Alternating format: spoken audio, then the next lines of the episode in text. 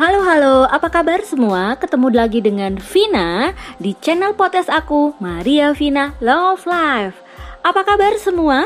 Semoga keadaan yang aku temui hari ini tetap berlangsung sehat dan gembira. Bener nggak? Iya ya. Oke. Nah, sekarang tema yang aku mau kasih tahu kepada teman-teman semua, tema-tema yang kita belajar banyak ya tentang sesuatu hal yang paling tidak bisa membuat kita dapat insight bahwa belajar itu nggak kenal harus lewat gambar atau lewat podcast atau juga belajar lewat webinar tapi belajar bisa dari banyak hal. Semoga podcast aku ini banyak memberikan informasi atau insights juga dan buat teman-teman terbuka juga terhadap beberapa hal sehingga apa yang kita nggak ketahui sekarang kita bisa belajar dari berbagai macam media termasuk salah satunya adalah podcast. Oke, kita kalau mau lihat seperti itu, thank you banget buat teman-teman yang sudah ikutin dari aku channel aku sehingga bisa berkontribusi di channel-channel aku dan thank you banget juga buat teman-teman yang tetap support ya. Oke, oke.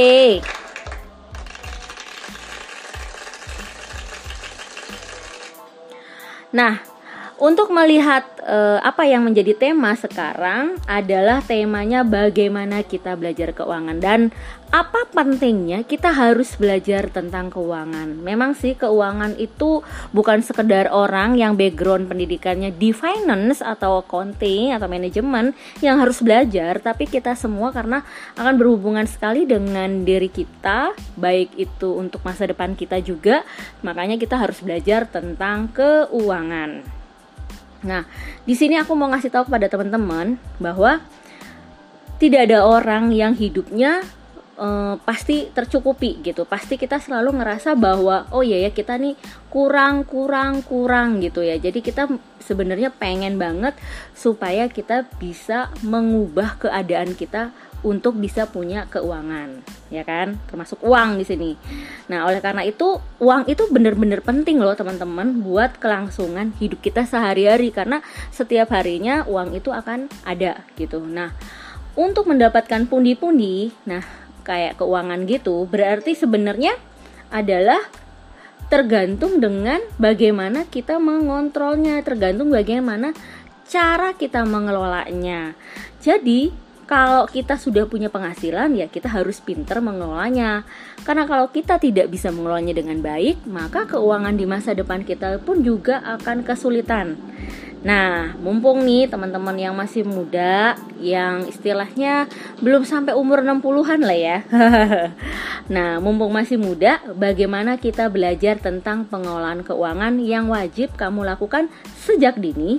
Karena manfaatnya itu banyak banget yang bisa kita dapatkan.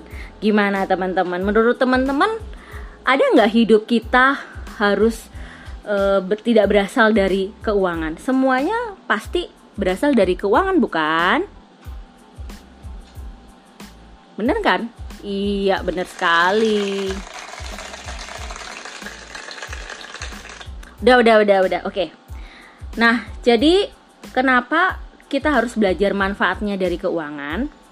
Yang pertama itu karena kita makin usia nggak mungkin bertambah muda usia kita. Jadi karena kita seusia kita selalu bertambah, maka kebutuhan hidup kita itu pasti akan bertambah.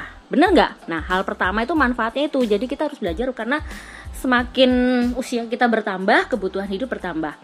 Kalau kita miliki banyak uang, salah satu yang harus bertemu kebutuhan yang harus dipenuhi pertama kali adalah kamu pasti kebutuhan kamu. Nah, untuk memenuhi kebutuhan nggak bisa kalau kita nggak bisa nabung. Uang kamu tuh harus secara keluruhan bagaimana kamu mengelolanya agar kamu bisa membagi-bagi itu dalam porsi selain cuman buat makan gitu.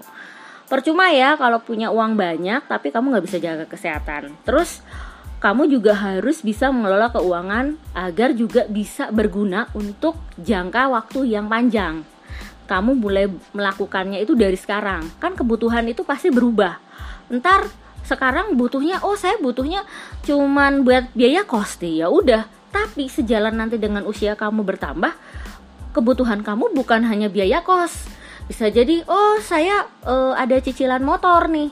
Ya berarti nambah kan. Terus tahun depan, oh mau cicilan mobil, jadi tambah kan gitu. Jadi semakin usia kita semakin nambah. Kemudian di usia 20-an udah pasti kita akan punya kepribadian, kebutuhan yang berbeda kebutuhannya dibanding usia kita waktu kita umur 10 tahun, umur 15 tahun dibanding diri kita nanti 10 tahun lagi ke depan gitu. Jadi teman-teman harus mikirin itu ya. Yang kedua adalah uh, kita harus tahu bahwa harga bahan pokok itu pasti akan mengalami inflasi atau fluktuasi. Nah, hal yang kedua itu teman-teman harus mikirin oh ya kenapa aku harus belajar keuangan? Karena harga kebutuhan tuh nggak ada yang tiap tahun turun semua pasti naik. Ingat aja dulu zaman saya waktu saya ke Jawa ya itu saya bisa makan 2000 aja bisa loh. 2000 1000 wah murah banget ya di Jawa gitu ya tapi kalau sekarang bisa jadi 5000 baru murah 6000 murah gitu dibanding kota-kota yang lain ya. Tapi bukan berarti uh, dia nggak naik dia naik. Makanya kebutuhan pokok tuh pasti berubah naik gitu. Apalagi sekarang kalau lihat di Jakarta ya itu kebutuhan kebutuhan pokok itu udah pasti naik banyak gitu ya. Dulu saya waktu masih single kebutuhan pokoknya oh cuman beli telur beli beras segitu harganya. Sekarang harga telur udah 20 ribu per kilo. Naiknya gede banget ya nggak tahu ayamnya apakah ayamnya bertambah besar ataukah karena telurnya bertambah besar makanya harganya naik. Kita nggak ada yang tahu oke. Nah jadi kebutuhan pokok sangatlah penting untuk kita wajib kita penuhi. Makanya sebagai kunci utama kita bertahan hidup adalah kita harus belajar tentang keuangan. Berarti berpikirlah teman-teman untuk secara realistis bahwa seiring waktu berjalan ke depan, barang-barang itu, kebutuhan hidup kita itu pasti mengalami fluktuasi. Contoh ya, gitu. Kalau harga bensin tahun lalu itu bisa 4.500 misalkan. Sekarang udah 7.000 bahkan lebih. Nah, hal itu tersebut bisa menjadi bukti bahwa nggak selamanya harga kebutuhan itu akan terus tetap, tapi akan mengalami fluktuasi gitu. Oke. Kemudian yang ketiga, uh, kamu pasti akan mengalami hidup bersama pasangan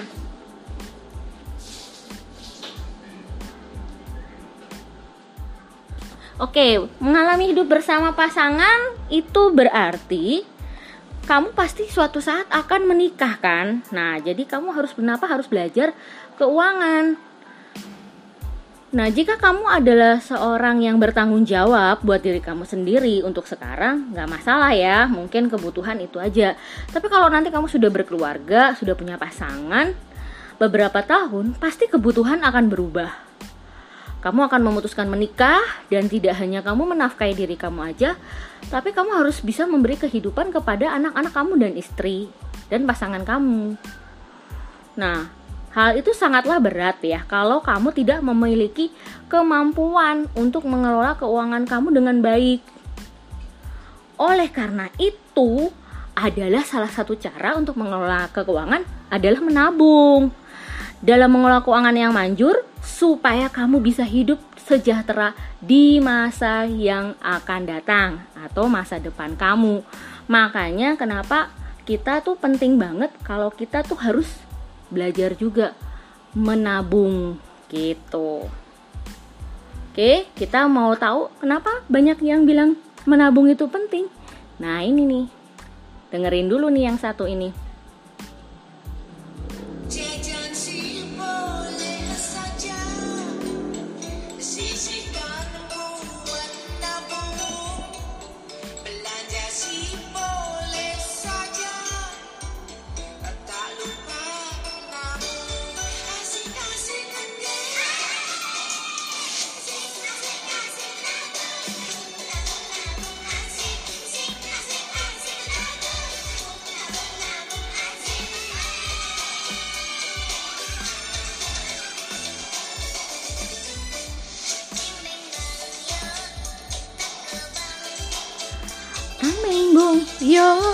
Kita nabung.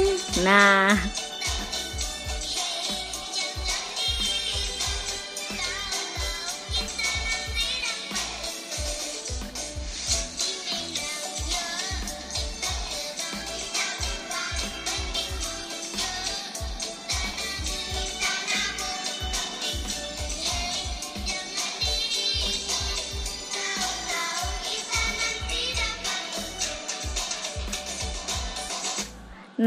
Tadi udah bener ya lagu anak-anak tadi itu malah mengingatkan kita bahwa, bahwa menabung itu adalah salah satu kunci bahwa kita bisa mengelola keuangan di masa yang akan datang. Kemudian hal keempat nih teman-teman, kenapa sih kita uh, harus belajar keuangan karena udah pasti di tahun-tahun berikutnya kan kamu udah pasti akan kerja. Nah, dunia kerja itu pasti bakal membuat sibuk kamu nih. Nah, jadi kalau kamu sekarang duduk di bangku sekolah atau kuliah, itu benar-benar saat yang tepat banget untuk belajar mengelola keuangan. Di samping karena tanggunganmu belum begitu berat, pengeluaran kamu pastinya masih sedikit. Nah, selain itu, kan biaya pendidikan tuh masih ditanggung nih sama orang tua atau mungkin sekarang udah dapat beasiswa nih. Nah, udah pasti membuat kamu memiliki beban hidup yang sedikit dalam hal materi. Nah, mulailah kenapa kita harus mulai belajar keuangan agar suatu saat nanti kamu bisa membalas jasa-jasa dari kedua orang tua kamu ataupun orang-orang terdekat atau orang-orang yang membantu keuangan kamu masa sekolah kamu sekarang gitu. Terus yang berikutnya adalah eh, terakhir nih uh, kenapa sih kita harus belajar keuangan ya tidak akan menutup kemungkinan kan kalau kamu pengen bisa dapat kaya di masa yang akan datang atau masa depan kamu. Nah, tidak ada semua orang yang bilang saya mau tahun masa depan saya miskin. Ya enggak lah, pasti pengennya uh, orang tuh berkecukupan ya, punya finansial yang baik. Nah, makanya memiliki harta yang berlimpah tuh udah pasti memiliki impian semua orang terus memiliki materi yang banyak sudah pasti itu keinginan setiap orang. Nah, kamu bisa mendapatkan semuanya itu deh, teman-teman, kalau kita mau belajar step by step dengan belajar keuangan. Tetapi untuk mencapai tahap yang seperti itu tadi, diperlukan kerja keras memang serta kemampuan untuk mengelola arus dana yang baik. Nah, jika mau belajar saat ini, maka tidak kemungkinan bahwa diri kamu akan lebih cepat kaya loh dibanding hal-hal materi yang lain, dibandingkan orang-orang lain. Nah, kamu harus juga memiliki kemampuan pokok yang harus dikuasai orang-orang sejak dini. Nah, jadi teman-teman semua, kalau misalkan teman-teman tadi bilang bahwa ih ngapain sih belajar keuangan terus ngapain dari sekarang nah ini yang kenapa kita ke depannya itu harus memikirkan. Dan teman-teman kalau dari sekarang sudah dapat infonya udah mulai belajar oh instrumen-instrumen apa yang bisa melindungi keuangan saya. Termasuk banyak orang suka nganggap bahwa aduh uh, mending investasi dulu ya. Mending saham dulu ya trading dulu ya belajar trading. Itu kan berarti kamu um, belajar trading tuh bukan berarti hari ini uh, bisa belajar terus besoknya langsung untung. Kan enggak kadang-kadang kita banyak loss juga segala macam. Jadi yang paling penting untuk kita belajar dari hal pertama adalah yang satu itu menabung dulu. Teman-teman belajar nabung belajar untuk nggak keluarin apa yang sudah ditabung gitu. Jangan sampai habis ditabung dikeluarin lagi dipakai hal-hal yang tadi sudah fix harus nabung. Tapi kalau teman-teman sudah ngerasa bahwa duh aku tipenya boros deh. Jadi berarti teman-teman jangan nabungnya lewat bank atau ATM sendiri. Lebih baik teman-teman nabungnya punya satu e, dana yang nggak bisa diambil-ambil. Contohnya adalah apa? Lewat asuransi, teman-teman bisa nyicil atau bisa nabung di sana sekaligus teman-teman bisa melindungi keuangannya teman-teman. Karena asuransi itu orang selalu persepsi, oh pasti ini buat kesehatan, pasti ini buat ini doang nih buat apa nih oh, kalau nanti saya mati. Enggak. Tapi sebenarnya lebih pada bagaimana teman-teman melindungi keuangan teman-teman. Nggak bisa dibilang kalau instrumen misalkan wah investasi kayaknya bagus deh. Jangan juga. Setiap sesuatu yang baik pertama adalah hal menabung dulu pondasinya.